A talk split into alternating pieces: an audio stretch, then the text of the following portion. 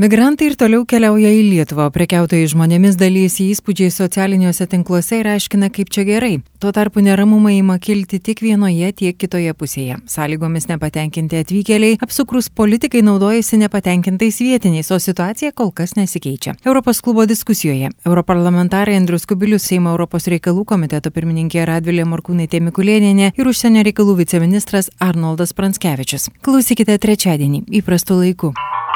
Thank you.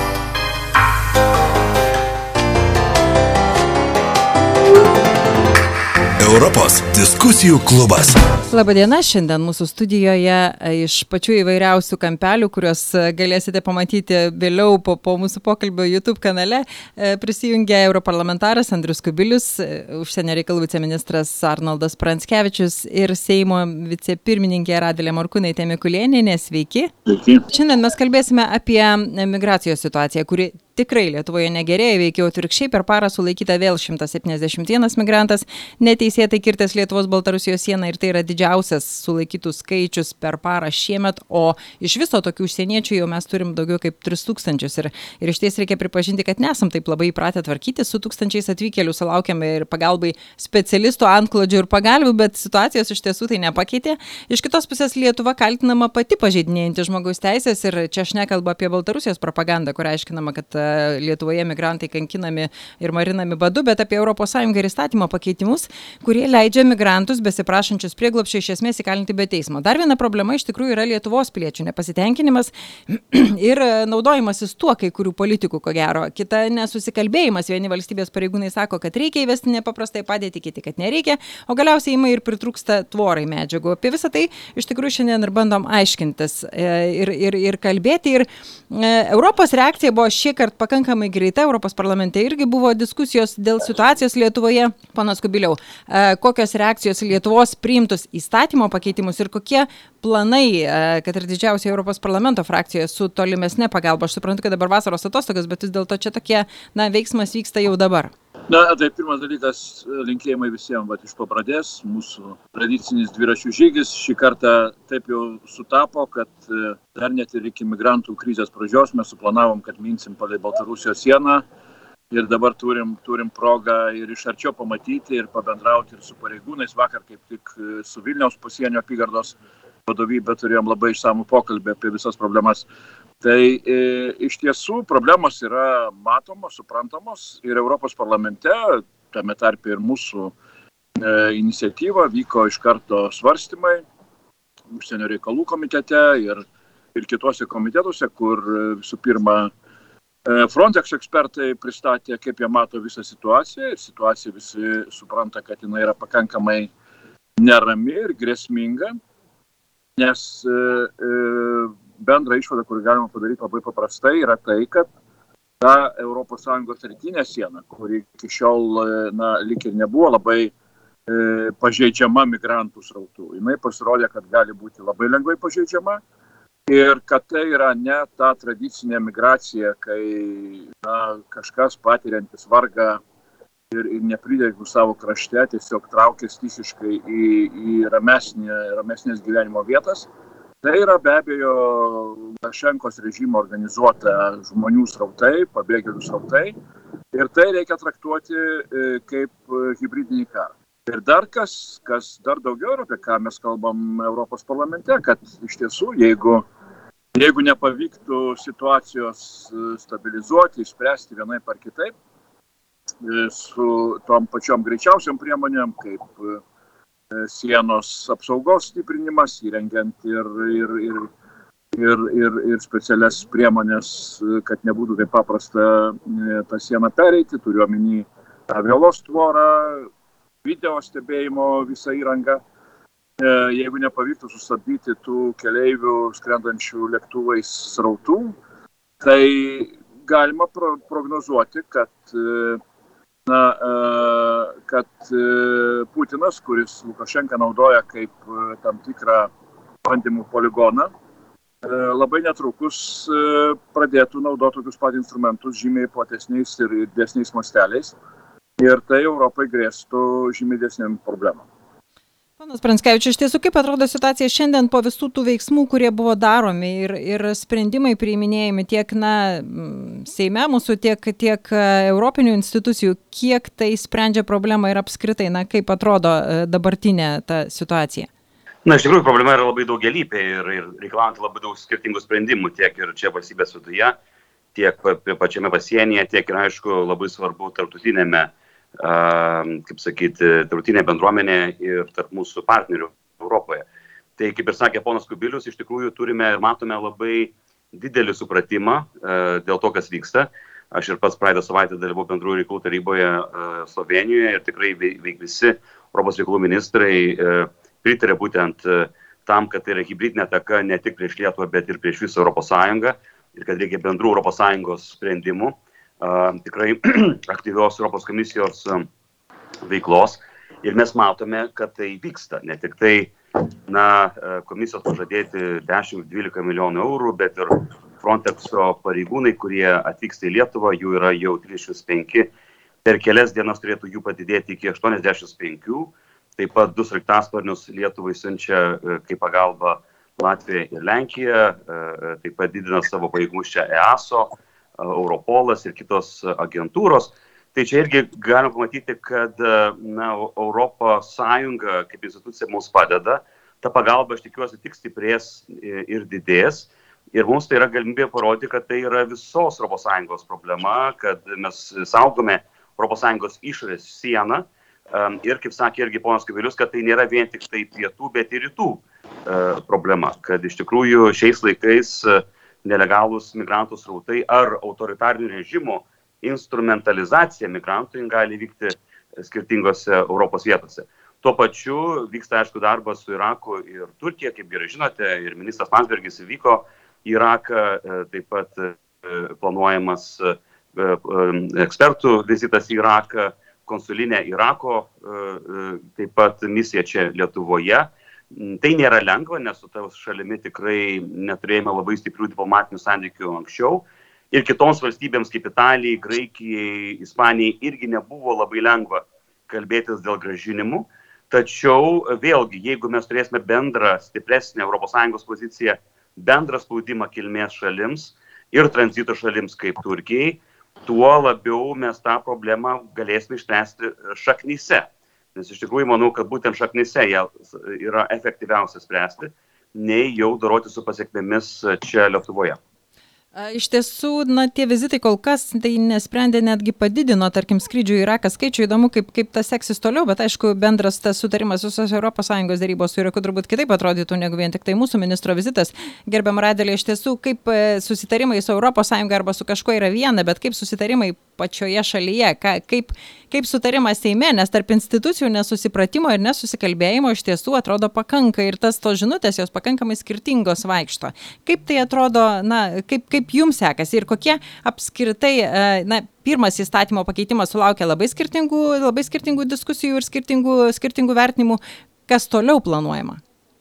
Na, pirmiausia, gal norėčiau sureaguoti į, į tai, kas ir viešojo erdvėje, kad, na, mano manimu, klaidinga, bandoma, nežinau, gal čia tokia kalbos vingrybės dalis, bet štai, kad nuvyko uh, vizito į, į Iraką ministras ir skrydžių padvigubėjo. Tai Aš manau, kad tie, tie planai, jie, jie matyt tokie, kokie yra, jie yra ir reikia suvokti, kad tai yra ir e, komerciniai užsakomieji skrydžiai ir visi kiti dalykai, bet grįžtant prie Lietuvos aktualijų, tai, na, aš manau, kad Seimas pakankamai ryštingai prieš keletą savaičių susirinkęs į neįlinę sesiją priemė tos sprendimus. Kaip jūs ir minėjote, tas įstatymas vertinamas galbūt dviprasmiškai Ir čia yra tų iššūkių, kur žmonės, kuriems ypatingai rūpi na, žmogaus teisų klausimai, jie galbūt mato tą įstatymą kaip itin griežtą. Kitigi, kurie matom, kad tai yra beprecedentis įvykis Lietuvoje ir kad na, Lietuva nėra patyrusi tokio antplūdžio ir su tuo reikia kažkaip doroti, suprantam, kad na, tas griežtas reguliavimas jisai turi būti ir kad jisai turėtų veikti ir kaip atgrasimo priemonė, kad tai nėra lengvas kelias ir kad Lietuva nėra pereinamasis kiemas, kur čia viskas labai lengvai įvyksta. Tai užtikrinant bazinius poreikius tiem žmonėms, kurie atvyksta, manydami, kad jie čia ras lengvesnį gyvenimą, kad Lietuva taps tranzito šalimi, užtikrinant tos bazinius poreikius, vis tik tais tos griežtesnės reguliacijos, jos yra būtinas, idant nesusidarytų įspūdis, kad čia, na, tarsi kvietimo kortelė yra siunčiama iš, iš, iš Lietuvos. E, iš tikrųjų, ką, ką ir viceministras mini, tai, na, spręsti šaknyse e, tas problemas ir, ir Europos parlamento paskutinėje sesijoje patrintas migracijos ir integracijos fondas apskritai visose europinėse dokumentuose pastaruoju metu yra akcentuojama migrantų gražinimas ir jų reintegracija. Tu, aišku, tų, kuriems nėra būtina humanitarinė pagalba, kaip, na, kaip įtariama čia dažnu atveju, taip, taip ir nutinka. E, kaip tai daroma, ponė Kubiliau? Kaip su ta reintegracija ir su gražinimu?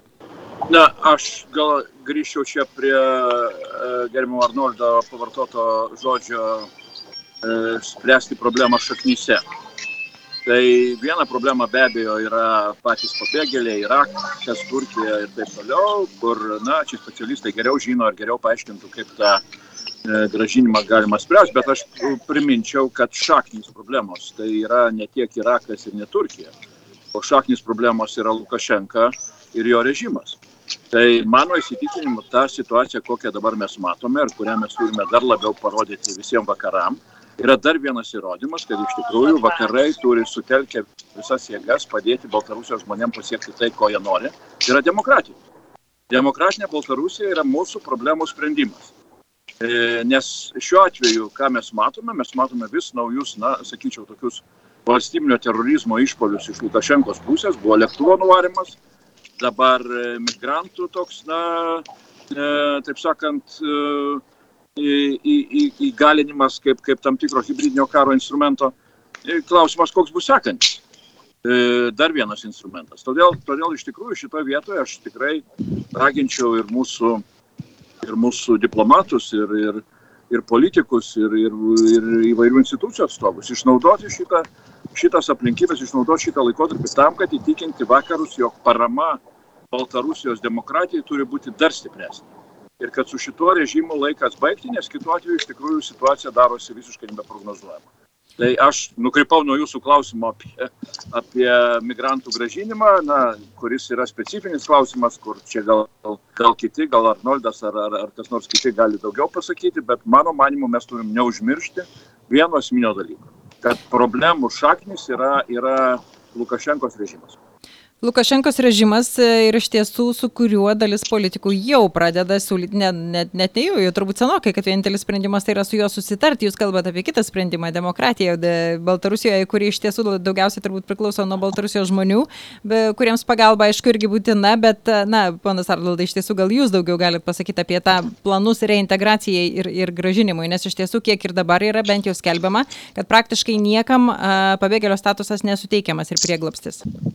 Visų pirma, visiškai sutinku su ponu Kubiliumi, kad e, ir pagrindinė problema yra Lukašenkos režimas ir ilgalaikis sprendimas yra demokratinė Baltarusija, bet mes suprantame, kad tai yra ilgalaikis ir labai dėja, bet na, ne, ne rytojų sprendimas, o problema yra šiandien ir dabar. Ir aišku, komplikuoja situaciją tai, kad mes beveik neturime jokių komunikacijos kanalų su Lukašenkos režimu. Ir būtent tai, ką mes darome dabar Baltarusijos takelėje ir labai teisingai, kaip ir minėjo gerbiamas premjeras, tai yra na, uh, uh, iš vienos pusės įtikinimas partnerių didinti spaudimą režimui ir dirbti ties penktuoju sankcijų sąrašu, būtent sąsoje su šituo hybridiniu naujoju veiksmu prieš ES. Iš kitos pusės būtent palaikyti na, politinę valią didesniai paramai pilietiniai visuomeniai demokratinėms jėgoms ir visą kitą. Tikrai tai yra labai gera galimybė išlaikyti Baltarusiją aukštai ES politikos e, darbo tvarkį. Tačiau tą darant, aišku, e, sprendžiant migracijos problemą e, ir užkertant kelią Baltarusijos režimui naudotis migrantais, būtent ir yra svarbus darbas su kilmės šalimis, tranzito šalimis, komunikacija su tų šalių piliečiais, kaip minėjo Ratvilė, aiškinant, kad kad jie yra apgaunami, kad iš jų yra pamami didžiuliai pinigai, kad jie iš tikrųjų na, yra suvedžiojami ir jais pasinaudojama ir kad jie tikrai čia neturės na, galimybės ar nelegaliai e, atsidurti Europos Sąjungoje, joje dirbti ir gyventi. Tai čia, čia lab, dėl gražinimo tikrai yra svarbus sustarimai su tomis šalimis, kurių jos labai vengia. Ir beveik nei viena nėra pasirašysi. Nei Irakas, nei Tunisas, nei Marokas, nei su ES, nei su dvišalėmis valstybėmis. Štai kalbėjau praeitą savaitę Romoje su Italijos Europos reikalų ministru Enzo Amendola, jis minėjo pavyzdį Tuniso. Labai ilgus metus italai e, e, dėrėjosi su Tunisu dėl dvišalio gražinimo sustarimo. Pagaliau pavyko jiems tai padaryti ir Italija yra didžiulė jėga, ar ne? Viduržėmė jūros baseinė, labai svarbi partnerė, ekonomiškai gali tikrai turėti daug svertų Tunisui ir nepaisant tos sutarties, tik 10-15 procentų Tuniso piliečių yra gražinama pagal tą sutartį. Tai vėlgi aš grįžtu prie to sakinio, kad tik ES kartu gali turėti pakankamai svertų ir svorio, ar ne, kalbantys su kelmė šalimis. Ir dėl to, tarkime, Šalio Mišelio skambutis ES ir Lietuvos vardu ir Irako premjerui yra stiprus veiksmas. Dėl to, e, tarkime, tos na, dėrybos dėl ES migracijos ir prieglobščio pakto, kurios tęsiasi rūdienį, diskutuos Europos parlamentas ir valstybės, gali būti mums irgi svarbus įrankis e, būtent dėl gražinimo politiko, e, politikos ir dėl e, labai aiškių prieglobščio taisyklių, nes, kaip žinome, Dublino konvencija beveik na, yra neveiksni ir dėl to yra tokia, toks chaosas pačioje Europoje, dėl antrinio judėjimo, dėl prieglobščio taisyklių tai tos bendros taisyklės ir bendri sustarimai ir admisijos su kilmės šalimis padėtų ir mums štai išgyvenantiems e, tokias problemas kaip šiandien. Gerbiamą Radvilę, kaip iš tikrųjų tas susikalbėjimas Seime, e, nes tikrai labai įvairiai politikai naudojasi ir dabartinėmis visuomenės nuotaikomis. Ir e, tas tie susitarimai, kaip, kaip ir viceministras kalba, jie gali būti vienokie arba kitokie, bet kokia, kokia situacija, na, ta prasme, kiek įmanomi sprendimai parlamente? Na tai mes pakankamai, sakyčiau, sėkmingai priemėme tos mano minėtus e, pataisimus dėl, dėl teis, užsieniečių teisinės padėties įstatymo, vis tik tais, aišku, buvo ten aistrų ir daugiau, gal aš išskirčiau tokį irgi įdomumą, kada turbūt, na, yra pagunda pasinerti į tokį politikavimą, nežiūrint konkrečiai pagal turinį, bet galbūt žiūrint kažkokių kitokių aspektų ir ten, tarkim, tų pačių valstiečių žaliųjų sąjungos uh, atstovai turbūt norėtų dar griežtesnių, e, griežtesnio, griežtesnio reguliavimo, bet um, nežinau, kažkokių nuogastavimų dėl žmogaus teisų plenarinėje sesijoje neišreiškia, po to, kai jau čia kilo visuomeniai diskusija, kad, kad gal yra kažkokių niuansų, tada jau puolėsi uh, sakyti, kad viską čia vyriausybė blogai padarė. Tai Tai aišku, kad norėtųsi, kad šitam tokiam, na, aš net drįščiau gal pasakyti, karo stovėje, sakykime taip, ir ir aplinkybės tikrai nėra lengvos, norėtųsi to bendro darbo ir kad tos vietos tokiam tuštiem politikavimam nebūtų. Ir ypatingai stebina turbūt čia dabar bandymas sakyti, kad ne va čia Lietuvos užsienio politika išprovokavo kad štai nauja valdžia, jie čia padarė kažkokių naujovių, naujų sprendimų ir štai pasižiūrėkit, Lukašenka kokius atsakus mums duoda. Tai nu, iš tikrųjų, ką aš girdėjau vakar iš prezidento lūpų viešumoje pasakyto, kad na, Lietuva nesirengia keisti savo kurso, kuris yra nusistovėjęs per 30 metų, kad nekalbės su diktatorium tokia kalba, kokia jisai greičiausiai tikėtųsi kalbėtis.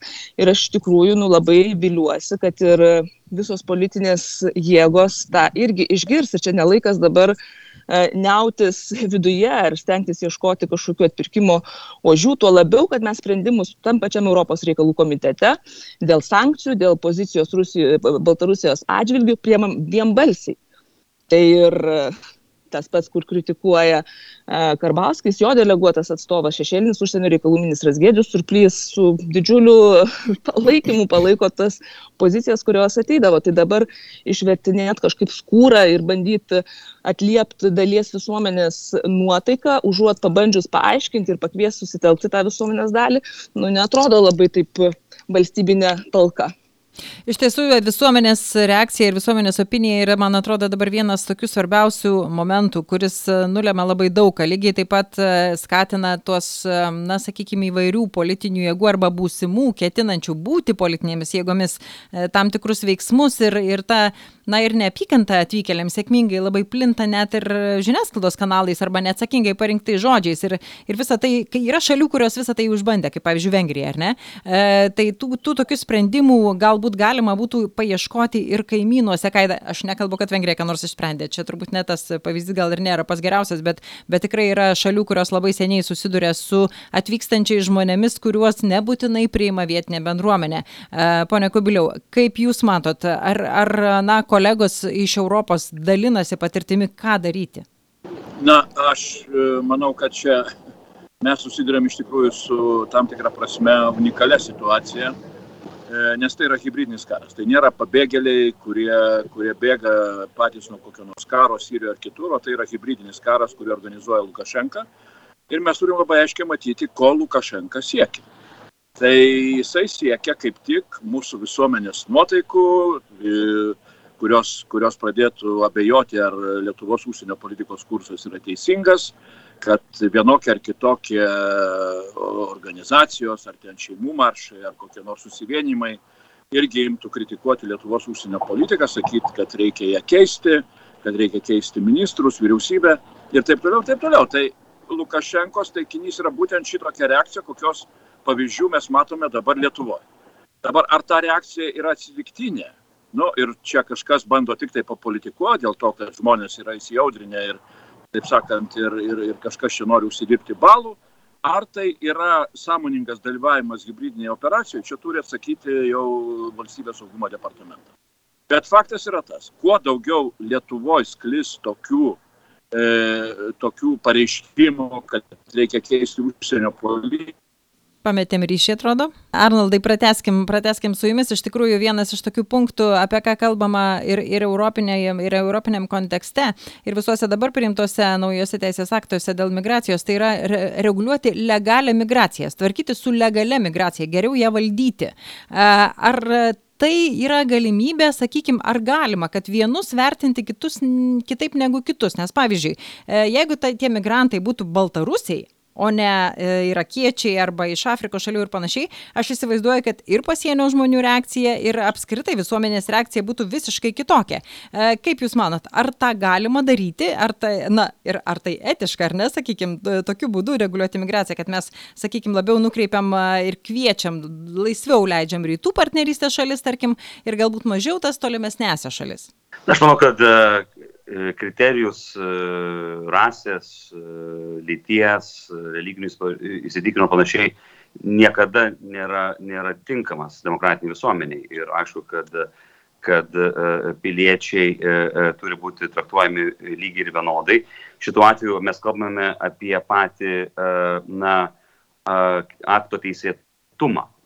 Didžioji dalis, na, ne didžioji dalis, bet visi iš esmės, ar ne šiuo metu uh, kertantys sieną migrantai tą daro nelegaliai ir dėl to tai yra nelegali migracija, nes jie atvyksta be dokumentų, neidentifikuoti ir, ir, ir kerta nelegaliai sieną ir dėl to natūraliai mes turime nelegalios migracijos problemą. Nepaisant to, kurių šalių jie yra piliečiai.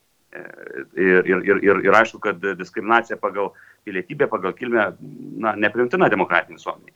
Ką jūs sakote dėl legalios migracijos kelių, tai yra aišku ne tik lietuvai bet visai europos sąjungai svarbus uždavinys ir nelengvas uždavinys nes europa europa sensta europa iš tikrųjų e, mažėja gyventojų skaičiumi jai vis toliau tuo labiau reikės darbo rankų ir protų ir minčių e, tam, kad padėti Europai judėti į priekį.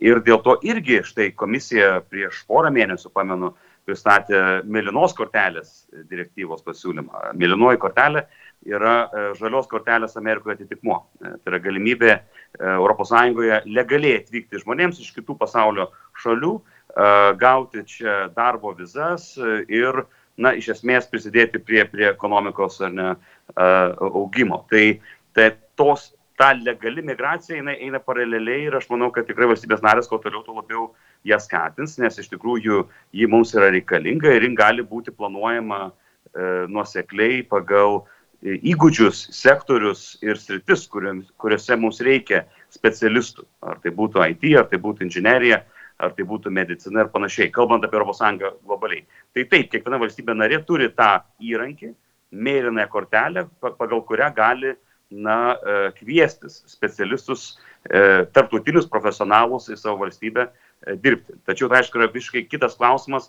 nei nelegali migracija, kai, kai žmonės kerta sieną be, be dokumentų ir prašosi prieglaušio, tačiau netitinka prieglaušio kriterijų.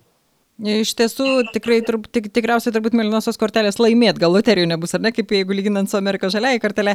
Ar manot, kad legali migracija galėtų e, spręsti nelegalios problemą, kad geriau reguliuojant vieną, galbūt mažėtų kita? Na tai matyt, ką, ką gerbiamas Arnoldas e, išsakė, tai, e, tai tai tai yra na, toks kaip čia realistiškas, e, matyt, požiūris, čia gali gal kažkam patikti, nepatikti, ar ten bandyti neikti e, realybę, ar dar kažkokius kitus dalykus, bet, e, bet aš asmeniškai manau, kad iš tikrųjų na, yra skirtingi dalykai, yra, yra bandomas, bando, kai bandoma um, pasinaudoti geranoriškumu, turbūt ir tos pačios ES na, sakant, kad tu esi bėgantis nuo karo ar konflikto ir kaip dar sėki pasikartosim, iš dabar iš tų ištirtų atvejų nepanašu, kad bent vienas toksai būtų, tai nėra visiškai teisinga. Tai jeigu tada yra ekonominė imigracija, tai matyt, tam tikrai tuos srautus reikia bandyti ir reguliuoti, nes tikrai sušukti prie sienos asylum, prieglopščio, kad noriu prieglopščio ir, ir galvoti, kad tuo viskas išsispręs, nu, taip ir, irgi yra ne, ne, ne visiškai turbūt e, padaru ir, ir teisinga. Iš tiesų, čia mes labai smergdami tos ekonominius migrantus, kurie galbūt nebėga nuo karo, pamirštam turbūt Lietuvos e, istoriją, kur, kur pusę milijono gyvena Londone, Ispanijoje arba dar kur nors. Tai čia ne, ne, turbūt nereikėtų taip vienareikšmiškai vertinti visus žmonės, nes mūsiškių lygiai taip pat nelegaliai papuolė pakankamai nemažai ES valstybės. E, tačiau koks, na, e, ponė Kubiliau, kaip, kaip jūs matote? Buvo pačios pačių šalių apsisprendimas, ką, ką ir kaip su tuo daryti ir kiek Taip. tai yra pakeliama pačiom valstybėm. Tai yra svarbu, kad ne, nesusproktų valstybė ir kad atlaikytų ir aparatas, ir, ir visuomenė, ir visa kas. Ar apskritai aiškus yra sprendimas, ką daryti? E, ponas Ardaldai, tarkim, tiek su dabartinė situacija, kaip mes jau girdėjom, da, na, demokratija Baltarusijoje būtų puikus, aišku, be abejo sprendimas, bet e, tikrai turbūt negreitas e, ir tikrai ne vien tik tai nuo mūsų priklausantis, tai ne, ne tik nuo mūsų, nuo ES nebūtinai priklausantis. Tai iš tiesų, e, koks dabartinis greičiausias ir įmanomas sprendimas, tiek kalbant apie Lietuvos visuomenę, apie situaciją Lietuvoje, tiek ir bendrai e, jungiant, bendrai, bendrai galvojant apie na, aplinką mūsų? Na, aišku, pagrindinis uždavinys yra labai greitas ir skubus, tai yra, tai yra e, e likęs, likusi sienos apsauga. Aišku, tai yra, tai yra daroma kasdien ir, ir, ir nuolatos ir parama taip pat pasiekia iš įvairių valstybių, štai Estija donavo ar ne šimtą kilometrų. Apsaugos priemonių ir, ir kitos valstybės tą daro. Tai, tai yra skubus uždavinys e, e, to, ko galbūt na, nepavyko Lietuvai dėl įvairių priežasčių turbūt atlikti per 30 metų, kad visa išorės siena su labai, na, visada pakankamai nestabilia kaiminė Baltarusija e, būtų saugoma, stebima ir, ir kontroliuojama. Tai čia toks pirmas uždavinys ir manau, kad šitą krizę na, tikrai išprovokuos uh, tuos darbus padaryti tikrai e, rekordiškai greitai. E, ir, ir tą supranta ir mūsų Europos partneriai. E, antra, tai žinoma, kaip sakyti, greitas identifikavimas asmenų, kurie kirto sieną, jų asmenybių nustatymas, asmenybių nustatymas ir kartu statuso nustatymas ir tų procedūrų kiek įmanoma neužvilkinimas, kad būtų galima išspręsti jų situaciją jeigu įmanoma ir būtent sėkmybė yra gražinti į savo kilmės šalį. Čia būtent dėl to svarbus tie pokalbiai su Irako ir kitomis valstybėmis, nes žinoma, kad reikia tų valstybių pritarimo tam, kad, kad mes galėtume legaliai gražinti piliečius į tas valstybės. Na ir trečia, aš manau, tie ilgalaikiai sprendimai, tiek kiek minėjom, kad ir, ir palaikymas dėmesio Baltarusijai, sankcijos naujos, didesnė parama pilietiniai visuomeniai, mūsų pačių branda europiniam kontekste, supratimas, kad europiniai sprendimai yra svarbus ir kad mums migracija taip pat yra svarbi kaip ir pietinėms valstybėms. Ir štai čia visiškai nauji alijansai kūrėsi, e, graikai ir italai ir ispanai tampa mūsų geriausi draugai, patarėjai, labai labai svarbus sąjungininkai šituo klausimu. E, nes taip, mūsų situacija yra unikali dėl Lukašenkos hybridinės atakos aspektų, Tačiau e, migrantai ne pirmą kartą yra instrumentalizuojami režimų, nes tai buvo ir su Rusija, Suomija, panašiai buvo ir Turkijos atveju, e, e, Turkijos, Graikijos ir net ir Maroko, Ispanijos atveju, kai Marokas apie 8 tūkstančius žmonių visai nesnei prieš porą mėnesių iš esmės pasiuntė į Ispaniją. Ispanija sugebėjo du trečdalius gražinti, netgi daugiau, man rodosi, į, į, atgal į Maroką. Tai žodžiu, yra tų valstybių, kurios naudojasi panašiomis priemonėmis, spaudimo, šantažo ir panašiai. Ir dėl to mus taip gerai ir supranta Europos partneriai, kad, kad vis dėlto mes esame užklupti bėdos ir dėl to na, vieni neturėtume dorotis. Tai yra visos Europos bėda. Vieni iš tiesų Lietuvos prasme, bet dar, vieni ir, da, dar viena problema yra savivaldybės, kurios e, iš tiesų kalbame čia apie Lietuvą bendrai, bet e, tos atskiros kelios savivaldybės, gal kurios susiduria su didžiausiu tiek savo gyventojų spaudimu, tiek ir, tiek ir su tuo na, bandymu su, su, surasti priemonių, tvarkytis ir panašiai. Iš tiesų, kokia ta pagalba savivaldybėms ir kaip joms, e, na, kokios priemonės galbūt papildomos ketinama, ar iš tikrųjų vis tiek daugiausiai dabar jos sprendžia, kur, kaip, ką ir panašiai, kiek tos pagalbos planuojama. Na tai pirmiausia, norisi padėkoti tom savivaldybėm, kurios, na, nors ir nelengva, bet imasi tų, tų veiksmų ir, ir, ir kalbasi ir su bendruomenėm ir, ir ieško tų sprendimų. Aš puikiai suprantu, kad tai nėra lengva, visi suprantam, kad čia yra bendras iššūkis. Tai aišku, galbūt geriau kažkokias konkrečias detalės pakomentuotų vyriausybės atstovai, ar čia konkrečiai VRM ar, ar finansų reikalų ministrė. Aš kaip suprantu, praeitą savaitę vykęs susitikimas e, finansų reikalų ministrės Gintarės Keistės su tom savivaldybėm, kurios, kurios apgyvendina dabar laikinai tuos pabėgėlius, kad, kad buvo pakankamai konstruktyvus, jinai išsakė tas, tas tos taškus, už kuriuos bus kompensuojama tas išlaidas. Taip pat manau, kad e, galėtų ir turėtų būti svarstoma kažkokia na, papildoma galbūt pagalba bendraja prasme nukreipiant į, į, į bendruomenę, na, kaip toksai, nežinau, ar tai būtų padarus sakyti atsidėkojimas, bet įvertinant tikrai tą iškilusi papildomą naštą, kad, e, kad e, na, tos savivaldybės irgi gautų kažkokį atgalinį ryšį iš centrinės valdžios. Žinau, kad yra tų niuansų ir dar ne, ne visiškai išsisprendusių dalykų dėl, pavyzdžiui, ten, sveikatos priežiūros dalykų, kaip, kaip turėtų būti na, užtikrinama ten ta pirmoji pagalba, ar jeigu ten yra kažkokios e, didesnės medicinės priežiūros reikalaujantis um, žodžiu, atvejai, kad, kad kaip, kaip ta sistema turėtų veikti, nes dabar galbūt yra tam, dar tam tikro neiškumo savivaldoje ir ta vykdomoji valdžia centrinė, e, kaip įmanoma greičiau bando e, išspręsti. Tai, aš suprantu iššūkius suprantu sudėtingumą aš bent tiek kiek aš matau iš vyriausybės pusės yra dedamos tos pastangos ir ir turėti tą dialogą ir nuolat kalbėtis ir su savivaldybių asociacija. E, ir, ir vis tik reikia pripažinti, kad turbūt mes irgi, nepaisant to, kad suprasdami, kad tas rautas nemažėja ir na, prognozijas matyt gali būti įvairios, kad yra irgi pakankamai sudėtinga iki galo na, nuspėti ir taip tiksliai, tiksliai, tiksliai pasakyti, kaip, kaip viskas bus. Tai tiesiog, na, jeigu galiu prašyti arba jeigu galim prašyti, tai tiesiog to na, supratingumo ir, ir, ir, ir susitelkimo. Tikrai niekam, niekam nėra maloni situacija ir, ir žmonės dieną naktį suko galvą, kaip, kaip, kaip iš jos išeiti. Iš tiesų, ko gero sprendimai greiti čia nebus ir galbūt, kaip viceministras minėjo, mūsų nauji geriausi draugai graikai ir italai galėtų pasiūlyti kažkokios pagalbos, konsultacinės pagalbos, kurios irgi veikiausiai labai reikia, tikrai ne tik pagalbių ar, arba antklodžių. Tai šiandien noriu padėkoti tų sprendimų ir lauksime ir ieškos, ieškos visi turbūt drauge. E, lauksime Europos, Europos klubo diskusijoje, šiandien dalyvavo Europos, europarlamentaras Andrius Kubilius, e, Seimo Europos reikalų komiteto pirmininkė Radvilė Morkūnaitė Mikulienė ir užsienio reikalų viceministras Arnoldas Pranskevičius. Ačiū Jums. Žiūrėsim, kaip viskas vystysis ir klostysis toliau. Ačiū ir iki. Laikykimės. Ačiū. Šiandien tiek. Kitas Europos klubo epizodas jūs pasieks penktadienį. Prenumeruokite Europos klubą. Taip mūsų naujienos jūs pasieks laiku. Su jumis buvo Vilija Kvedaraitė, o prie projekto finansavimo prisideda ir Europos parlamentas. Europos klubas.